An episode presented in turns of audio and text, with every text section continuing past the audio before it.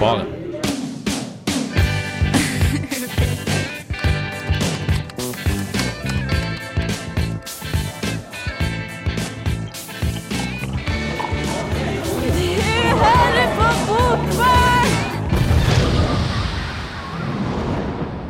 Hallo, og velkommen til Bokbarn.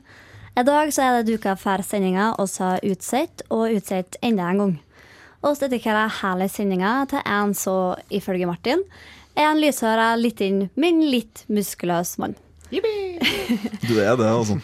Ja. Ja. Men karen her, eh, han, det er vår egen innesperra Mathias eh, R. Samuelsen. Så Syns det, er fint at vi starter så positivt, for jeg har bange anelser om resten av sendinga. Jeg tror det her blir veldig koselig, Mathias. ja. Han har debutert med diktsamlinga 'Utredning om trengsel' på Kolum forlag, og skal høre mer om det etterpå. Med meg i studio så er Martin Ingebrigtsen, Hallo. Mathias Samuelsen, og spesielt for anledninga Asle Fossum. Hallo.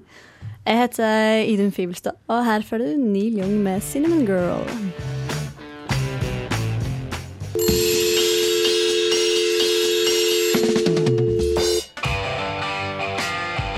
Radio Revolt.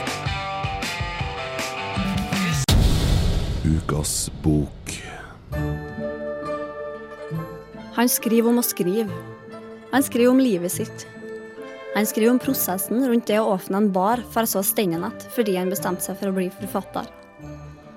Men mest av alt så skriver han om det som er opptatt over halvparten av livet hans. Han skriver om å sprenge.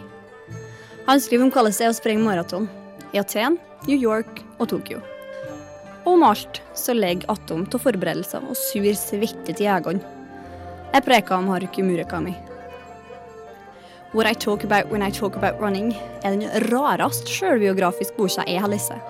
Kanskje den rarest utenom den kategorien òg. Kalles det i hele tatt går an å fylle mest av 200 sider om det han preker om når han preker om å springe, uten at det er ditt tå, det forstår jeg bare ikke. Og det er vel kanskje heller ikke meninga. Refleksjon over hvordan sprenginga har påvirka livet, aldringa, fysikken og psyken hans ligger til grunn for tilblivinga av denne boka. Men aller mest så handler det om hvordan har påvirka skrivinga. Writing novels to me is basically a kind of manual labor. Writing itself is a mental labor, but finishing an entire book is closer to manual labor. It doesn't involve heavy lifting, running fast, or leaping high. Most people, though, only see the surface reality of writing and think of writers as involved in quiet intellectual work done in the study. If you have the strength to lift a coffee cup, they figure you can write a novel. But once you try your hand at it, you soon find out that it isn't as peaceful a job as it seems. Tidvis så får han alt til å høres så latterlig enkelt ut. Rent bortsett fra at han nå bekrefter at det absolutt ikke er det. Her preker oss ambivalent determinisme. Oss vet hva oss er. En kan ikke skrive eller springe maraton for din saks skyld, om en ikke er sjøldisiplin eller har talent. Og det skorter det ikke akkurat på denne boka. Den er talentfull skribla ned med det japanske tegnspråket og videreført ut til resten av verden med stor suksess. Men ikke på norsk. Pax bør skunde seg. For det her er så rart, og så sært, og likevel så fengende og herlig at du ikke vet helt hva du skal tro. Nuss, nuss, Murakami, nå fer jeg ut og springer halvmaraton til høye hæler. Radio Revolt på FM 97,9. Da er du hatt en natt på Bokbaren, og i dag så preker vi om eh, utredning om trengsel. Og Asle, du har kikka litt på det? Ja, jeg har kikka litt på den her. Jeg har jo et uh, halvt semester kan jeg mer eller mindre si, på litteraturvitenskap bak meg. Jeg vil si at jeg har en veldig materialistisk uh, tilnærming til litteratur. Og da spesielt uh, når jeg skulle ta for meg denne boka av uh, Mathias, som ved min side står. Uh, jeg må si at det var jo et uh, slående førsteinntrykk jeg fikk av boka. Hva var det? Eh, først og fremst det, det visualiserende delen av det hele, og det rent håndfaste i selve verket. Eh, når man står med det i hånda, når man går bortover gata med det, og den bevisstgjøringsprosessen man i hele tatt får da, ved å ha denne boka i hånda eller lomma eller på pulten, eller hvor det nå skulle være. Ja, men Det høres noe likere ut enn hva gjorde da jeg møtte Mathias rett etter han kom med den i handa. Oi, så liten den var! Det, altså, det, er jo, det, det rett eh, at det er en liten bok, men det viktige er jo hva som står i den. Og, og det er jo fint at vi kunne få Nasle til å komme inn og snakke om boka, i og med at vi jo alle egentlig er litt inhabile, i og med at Mathias jo står her dag ut og dag inn.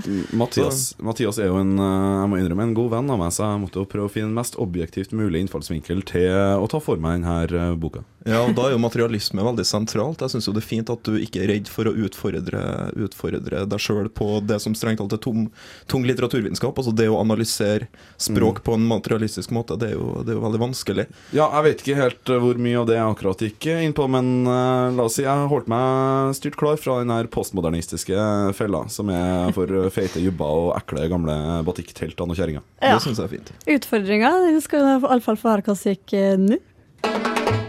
Mathias Samuelsens diktsamling 'Utredning om trengsel' er en smakfull utgivelse på Kolon forlag.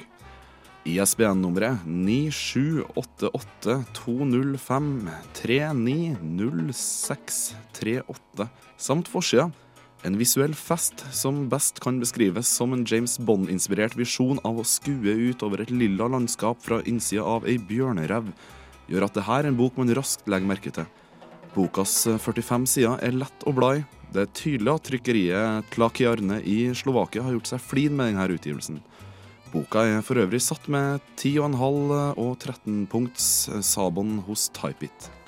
Bokas størrelse på om lag 10 ganger 18 cm samt lav vekt gjør at det her er en fryd av en bok å bære rundt i en lomme. Gjerne stikkende frekt opp av jakka om du blir inntrykk av at du har lest ei bok en gang. Rolf M. Aagaard har knipsa et raft omslagsfoto av forfatteren, som gir inntrykk av at Mathias Samuelsen er både høyere og kjekkere enn han egentlig er. Men det her er jo tross alt omslagsfotoets misjon.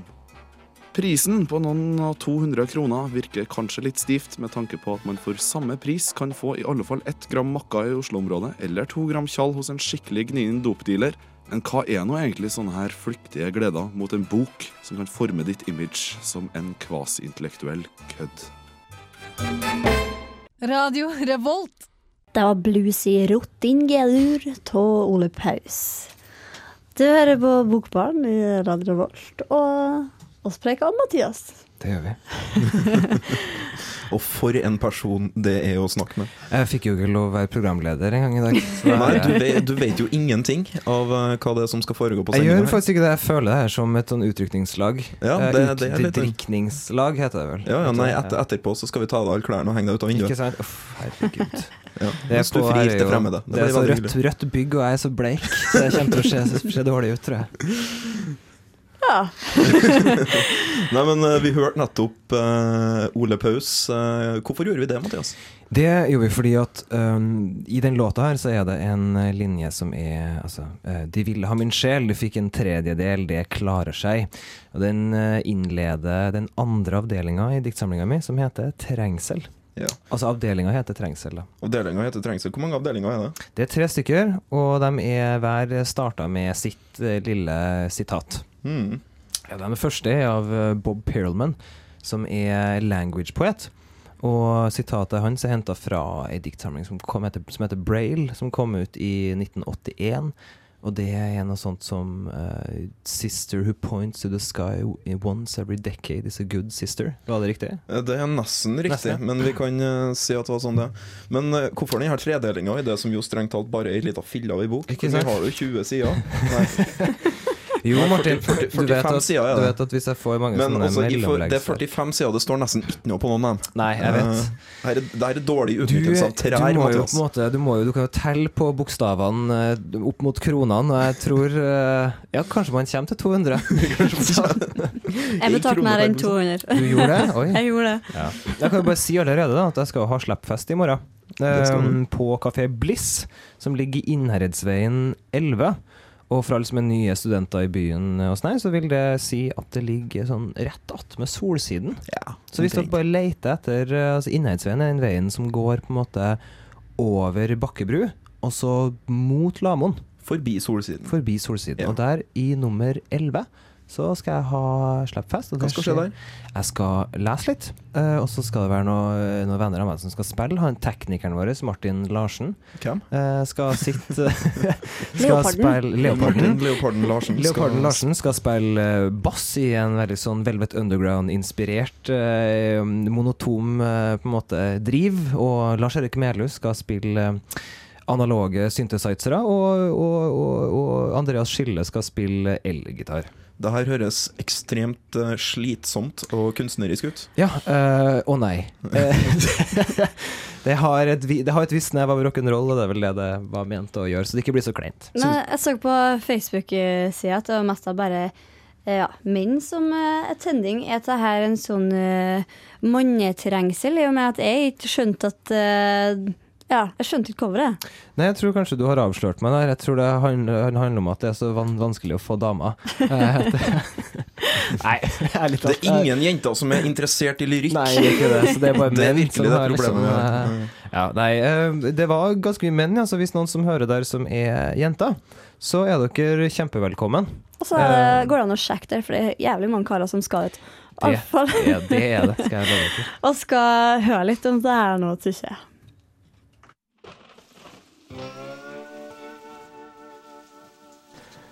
Vinterdialog. På gata under glasstaket ble jeg gående i suset fra jenta som snakka i mobiltelefonen. Jeg fulgte bevegelsen i leppene hennes. Hun hadde navn og steder i stemmen. Men jeg kunne ikke høre hva hun sa, for det knaka i nysnø under sålene, og frostrøyken dempa ordene. Likevel visste jeg at det angikk meg, og at jeg ville dø der og da om jeg ikke fikk vite hvorfor samtalene våre alltid måtte gå gjennom en tredjemann.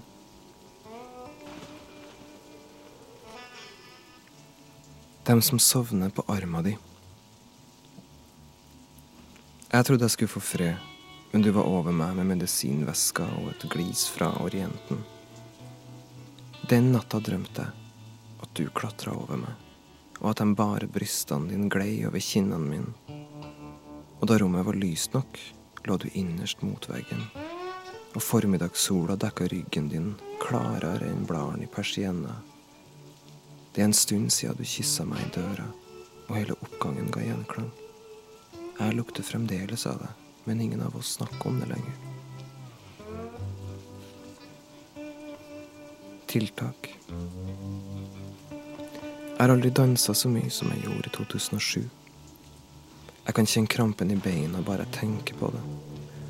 Jeg har slått meg til ro med at andre kan danse bedre uten meg på gulvet.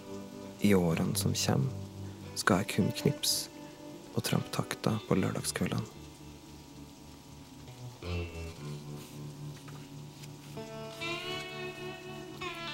Fueki. Ingenting ved min bror er kunstlammen i kystområdet, der alt lukter brakkvann og bakken beveger seg fritt. Hadde vi badebuksa på og jeg var kald og våt, mens han ble gjennomsiktig i regnet.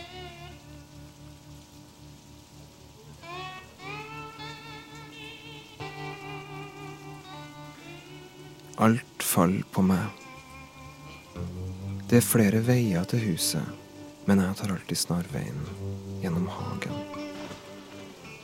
Tråkker over berbrisbusken der det er nysådd. Til sommeren er det jeg som klipper likevel. Jeg ser nytten av gradvis bearbeiding av jorda. Lyden av totaktsmotorer gjennom nabolaget. Lukta av svett gress mot stålblader i juli. Det minner meg om at jeg med trykk på lystfølelsen skal si Alt du ønsker deg, finnes her. Ikke faen om jeg gir meg før hageflekkene er gjørme. Og vi har vegger av bambus for å holde trengselen ut.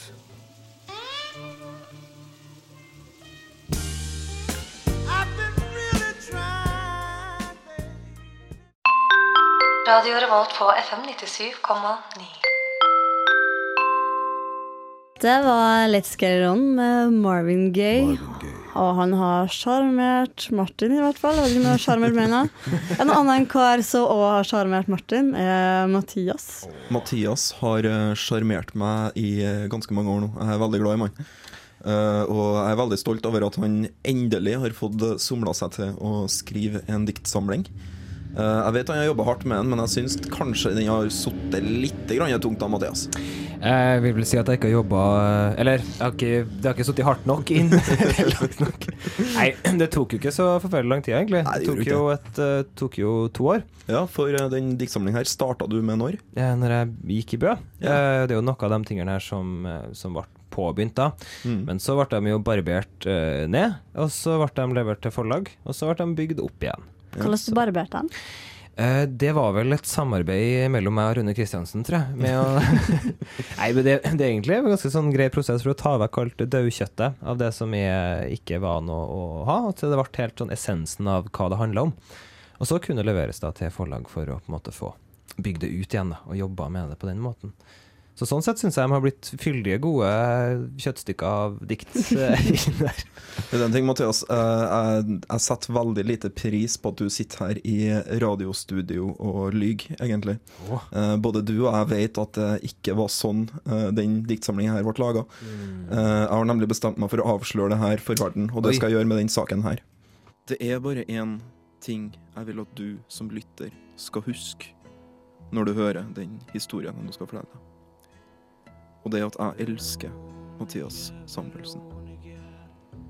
Jeg har elska han helt siden jeg så han for første gang. På en høstsprengt formiddag i 2007. Jeg satt i et hjørne og snakka med en ny klassekamerat da en ung jypling kom spradende inn i rommet. Han var kledd som en av Oslo-hipsterne han nettopp hadde forlatt i Tigerstaden, men skilte seg ut fra mengden. En lys moppe av hår ramma inn det reinskårne ansiktet, og de blå øynene hans lyste opp rommet med et blikk som sa 'Jeg har ankommet'.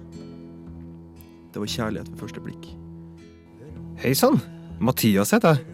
sa han da han slengte den tynne og tette, men lett muskuløse kroppen ned i stolen ved siden av meg. Martin, sa jeg. Jaså, trønder du også? Hvor du kommer fra?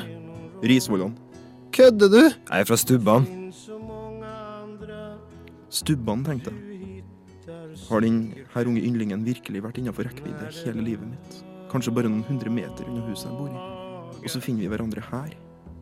I Telemark. Det viste seg at vi ikke bare var klassens eneste trøndere. I tillegg var det sånn at vi var de eneste som hadde latt oss innlosjere på Grivi studentheim. Noe som gjorde selskapet til og fra skolen til en selvfølgelighet. Og allerede første dagen oppsøkte vi hverandres selskap for et snart tradisjonelt inntak av lapskaus.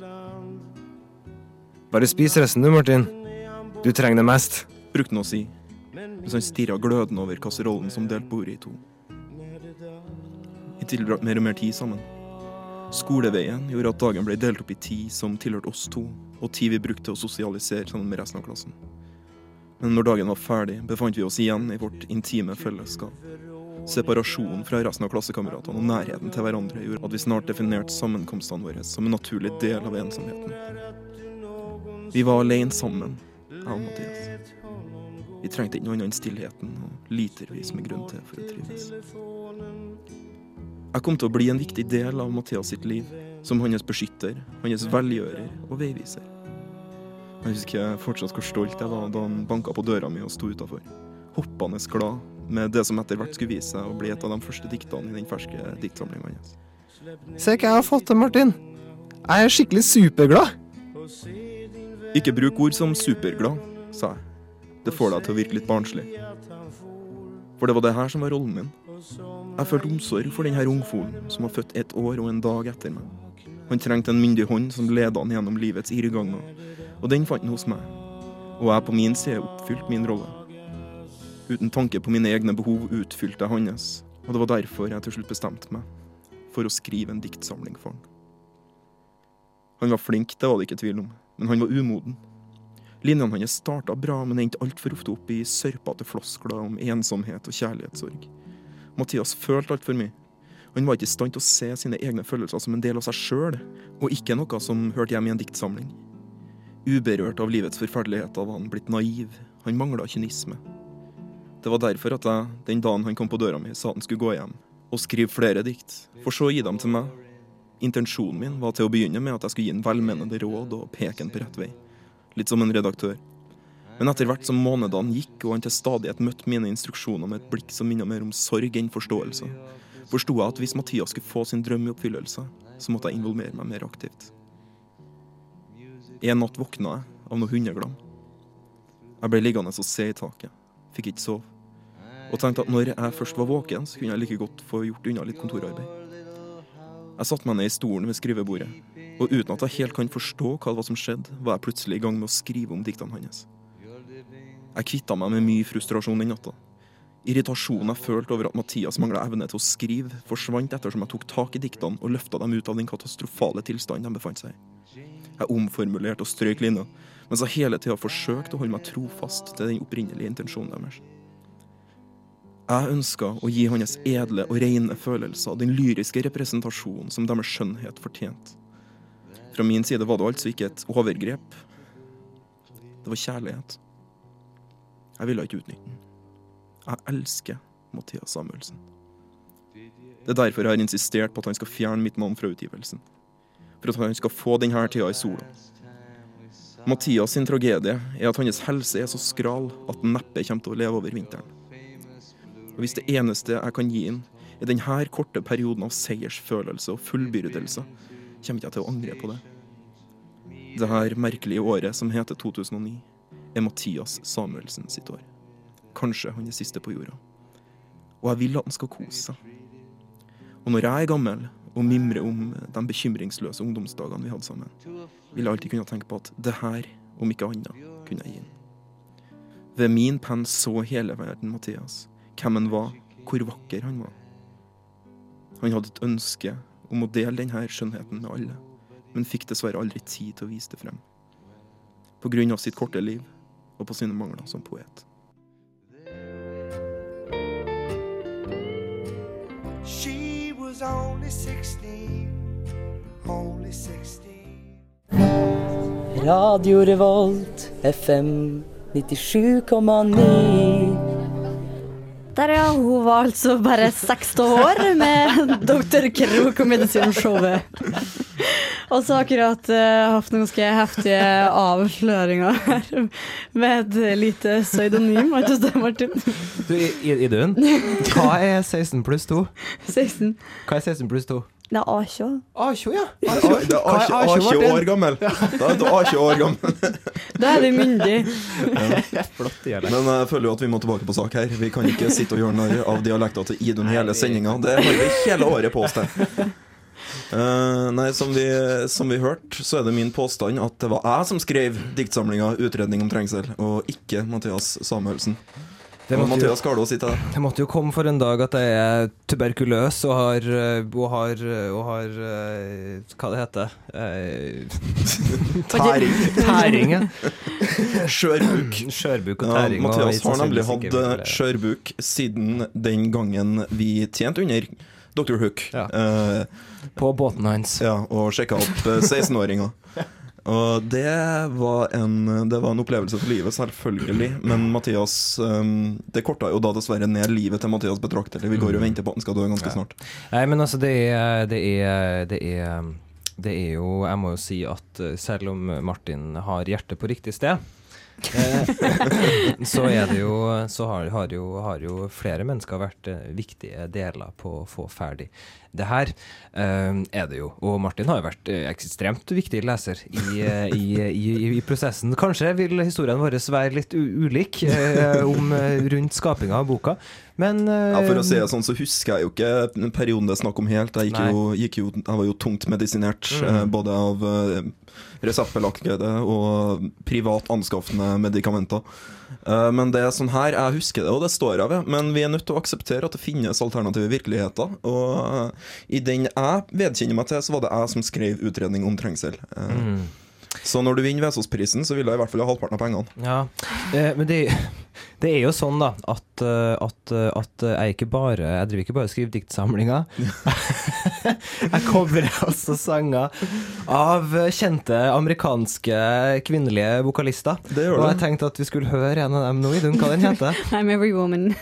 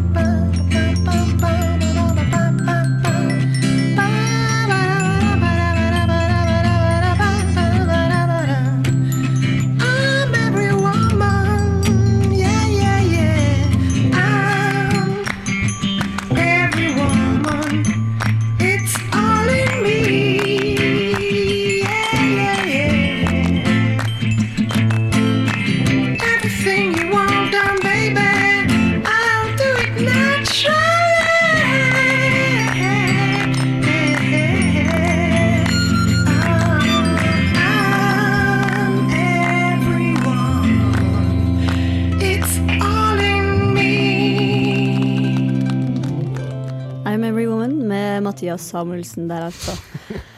Leilighetsprosjektet Hollywood Public Library, for å si det sånn.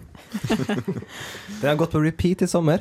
Uh, og jeg har fått kommentarer fra dem som er innvia i det. Uh, det er nok siste og første gang jeg synger falsett på den måten. Men det, er- vi måtte nå ha med ei låt, i hvert fall. Fra, Fra, fra, fra, fra, enorme fra, fra den enorme backkatalogen Ja, som er musikeren Mathias Reinhold Samuelsen. Det er veldig viktig, det. Vi har jo, eh, det er jo Jeg kan også gjenta at det skal være, det skal være slappfest i morgen. I, på Kafé Bliss klokka ni. Mm. Med mer musikk. Med mer musikk. Skal du synge falsett, da? Nei, da skal jeg bare lese, tenker jeg. Og så er det litt analoge synter og litt sånn uh, dronete gitar- og basspilling eh, mens jeg leser, da. Og så må du bare komme før klokka ni, for det, Ja, ja. det er stort, eh, stor sjanse for å sjekke litt. Det er Ja. det. Men du, Idun Ikke, ikke Mathias, da, for han er, han er Nei, i et jeg, jeg er opptatt. Er Idun, du, er- det, det er veldig varmt her, for det er så varmt utafor. Hvorfor er du så varm egentlig i dag? Det er så hett her. Jeg tror jeg er litt hoppen i der etterpå. Jeg har vært åt en, eh, det folk liker å kalle heksedoktor. Min, den, han er ikke heksdokter, altså. Han er rindhaling. Og Men han, folk liker å kalle den heksdoktor. han er bare så kjølig flink til å ta på folk, slik at de blir varme. så jeg har fått i gang blodsirkulasjonen min og blitt kjølig het. Så fryser du, så får du til Rindalen. Du kan jo, kan jo beskrive det synet som er Idun akkurat nå. Altså, kan forestille deg ei, ei, ei, ei, ei ganske lita jente som ca. er 30 høy, uh, med liksom mørkt hår i en hestehale, som sitter på en krakk og smelter. Eh, det er litt sånn det ser ut. Jeg var i Eh, 60 i stad, men eh, dessverre ligger på gulvet. Han tok liksom på deg til du kom i overgangsalderen. Det var veldig sympatisk type. Ja, men altså, det går fint, for selv om du kommer i overgangsalderen, så kan du da ga litt av, for han skal til Kina nå og lære seg å ta akupunktur, sånn at du slipper å ta Botox. og Jeg skjønner. Å ja, men det er det et stort marked for, sikkert. Han kan jo ha sånn stand på Storåsfestivalen neste år, han, vet du. Han bruker å ha stand på Rindalstorget. Ja, men det her er lokalt innhold. Det, Det er er, lokalt veldig innhold, viktig. men Om jeg ikke var lokal nok, det så er er du også. Jeg er så lokalt innhold, eller? Du er så lokalt inne. Nei, skal vi kjøre i gang låt? Ja. Hæ? Loving Spoonful med 'Summer in the City'.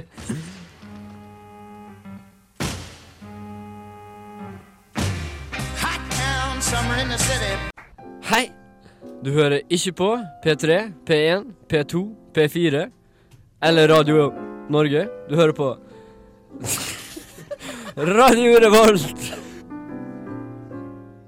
Det var Summer in the City med Lovin Spoonpool. Det- Spoonpool. Det er hit i studio, så det er litt vanskelig å holde tunga våt. Oss sitter og brekker Sitter og brekker med Mathias, så er det kjølig gutt akkurat nå, for det er kjølig hit.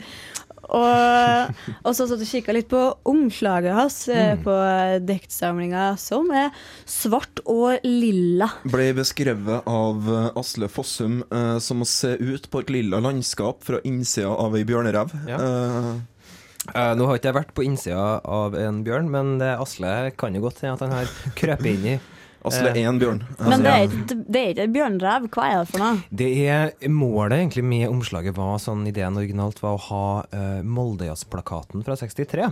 Oh. Ja, Men saken er at Moldejazz-plakaten fra 63 er det jo et menneske som har laga. sånn at Lever han? Eh, Det er jeg litt usikker på, fant jeg aldri ut av. Det er veldig dårlig informasjon om hvem som har laga Moldejazz-plakatene. Men det her, er- er- Moldejazz-plakaten er et litt sånn minimalistisk silketrykk, da.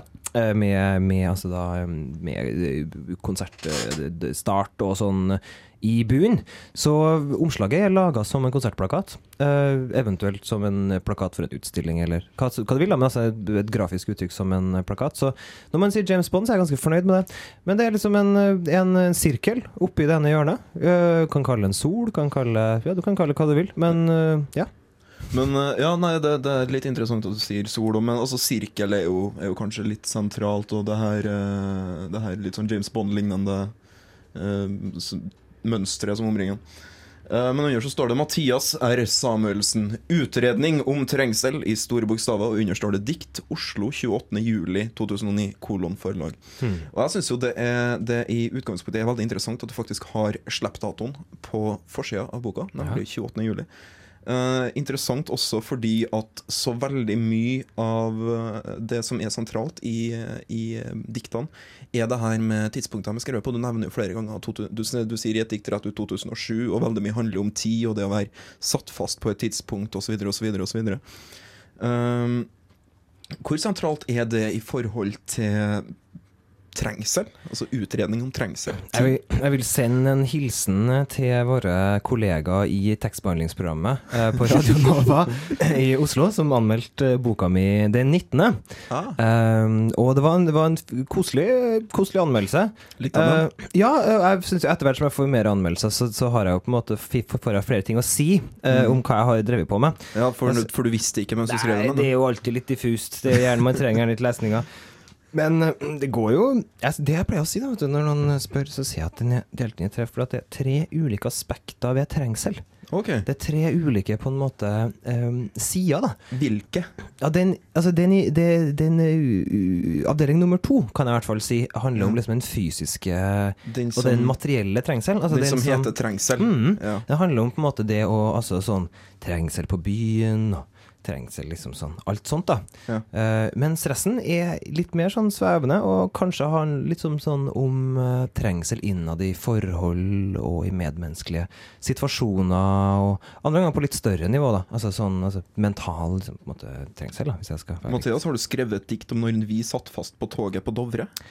Eh, det er jo med, fordi at det du Ja. tenker på det som heter Ja, bare- det bare en, en, en, et, en trangsynt ettertanke senere. Ja, en jeg kan hele samlinga utenat. Det er bare Det, kan du. 45 sider. det, så. det er ikke så veldig mye å kunne utenat her, så jeg kan jo nesten utenat. Så jeg vil si Hva er det står da? Dovre er trist, og Skal jeg ingen lese? Ja, du kan gjøre. En trangsynt ettertanke senere. Dovre er trist, og ingen lager medikamenter for denne kvalmen. Men da jeg var lei av legeromaner, fant jeg deg i fotnotene hos Lorca. Som en ny rykning rundt øynene var vi enige om grunnlaget, etter innbyggertallet i Oppland å dømme, før jeg sovnet. Mm. Mm, det var Det fint dikt. jo, jeg skal jo ikke si noe stygt om Dovre. Um, eh, for det er jo en fin eh, fjell, et fjellplatå slash kjede. Eh, eh, er det jo. Og det men- har moskus, og ingenting som har moskus, kan Mhm, være det er dårlig. Men når man sitter fast eh, midt på Dovre eh, i noen timer eh, fordi at eh, NSB ikke gjør jobben sin, eller noe gjør det vanskelig for NSB eh, å mm. gjøre jobben sin, så kan det være ganske kjedelig. Ja, det kan jo det. Og ingen tenks... lager jo medikamenter for den kvalmen. Ja, det kan man jo. Nei, Det var altså flere liksom do s- Ja. Mm. Det var flere ting som var litt kjedelige enn bare Dovre. Jeg ble jo rett og slett litt lei meg da jeg seg at du, du ikke ville danse med. Ja, jeg ble eh, konfrontert med det på den Gyldendal-festen jeg var på nå eh, før eh, helga. Eh, Men eh, det er vel ikke, det er vel ikke bokstavelig, det er vel mer det at det har med den typen dansing.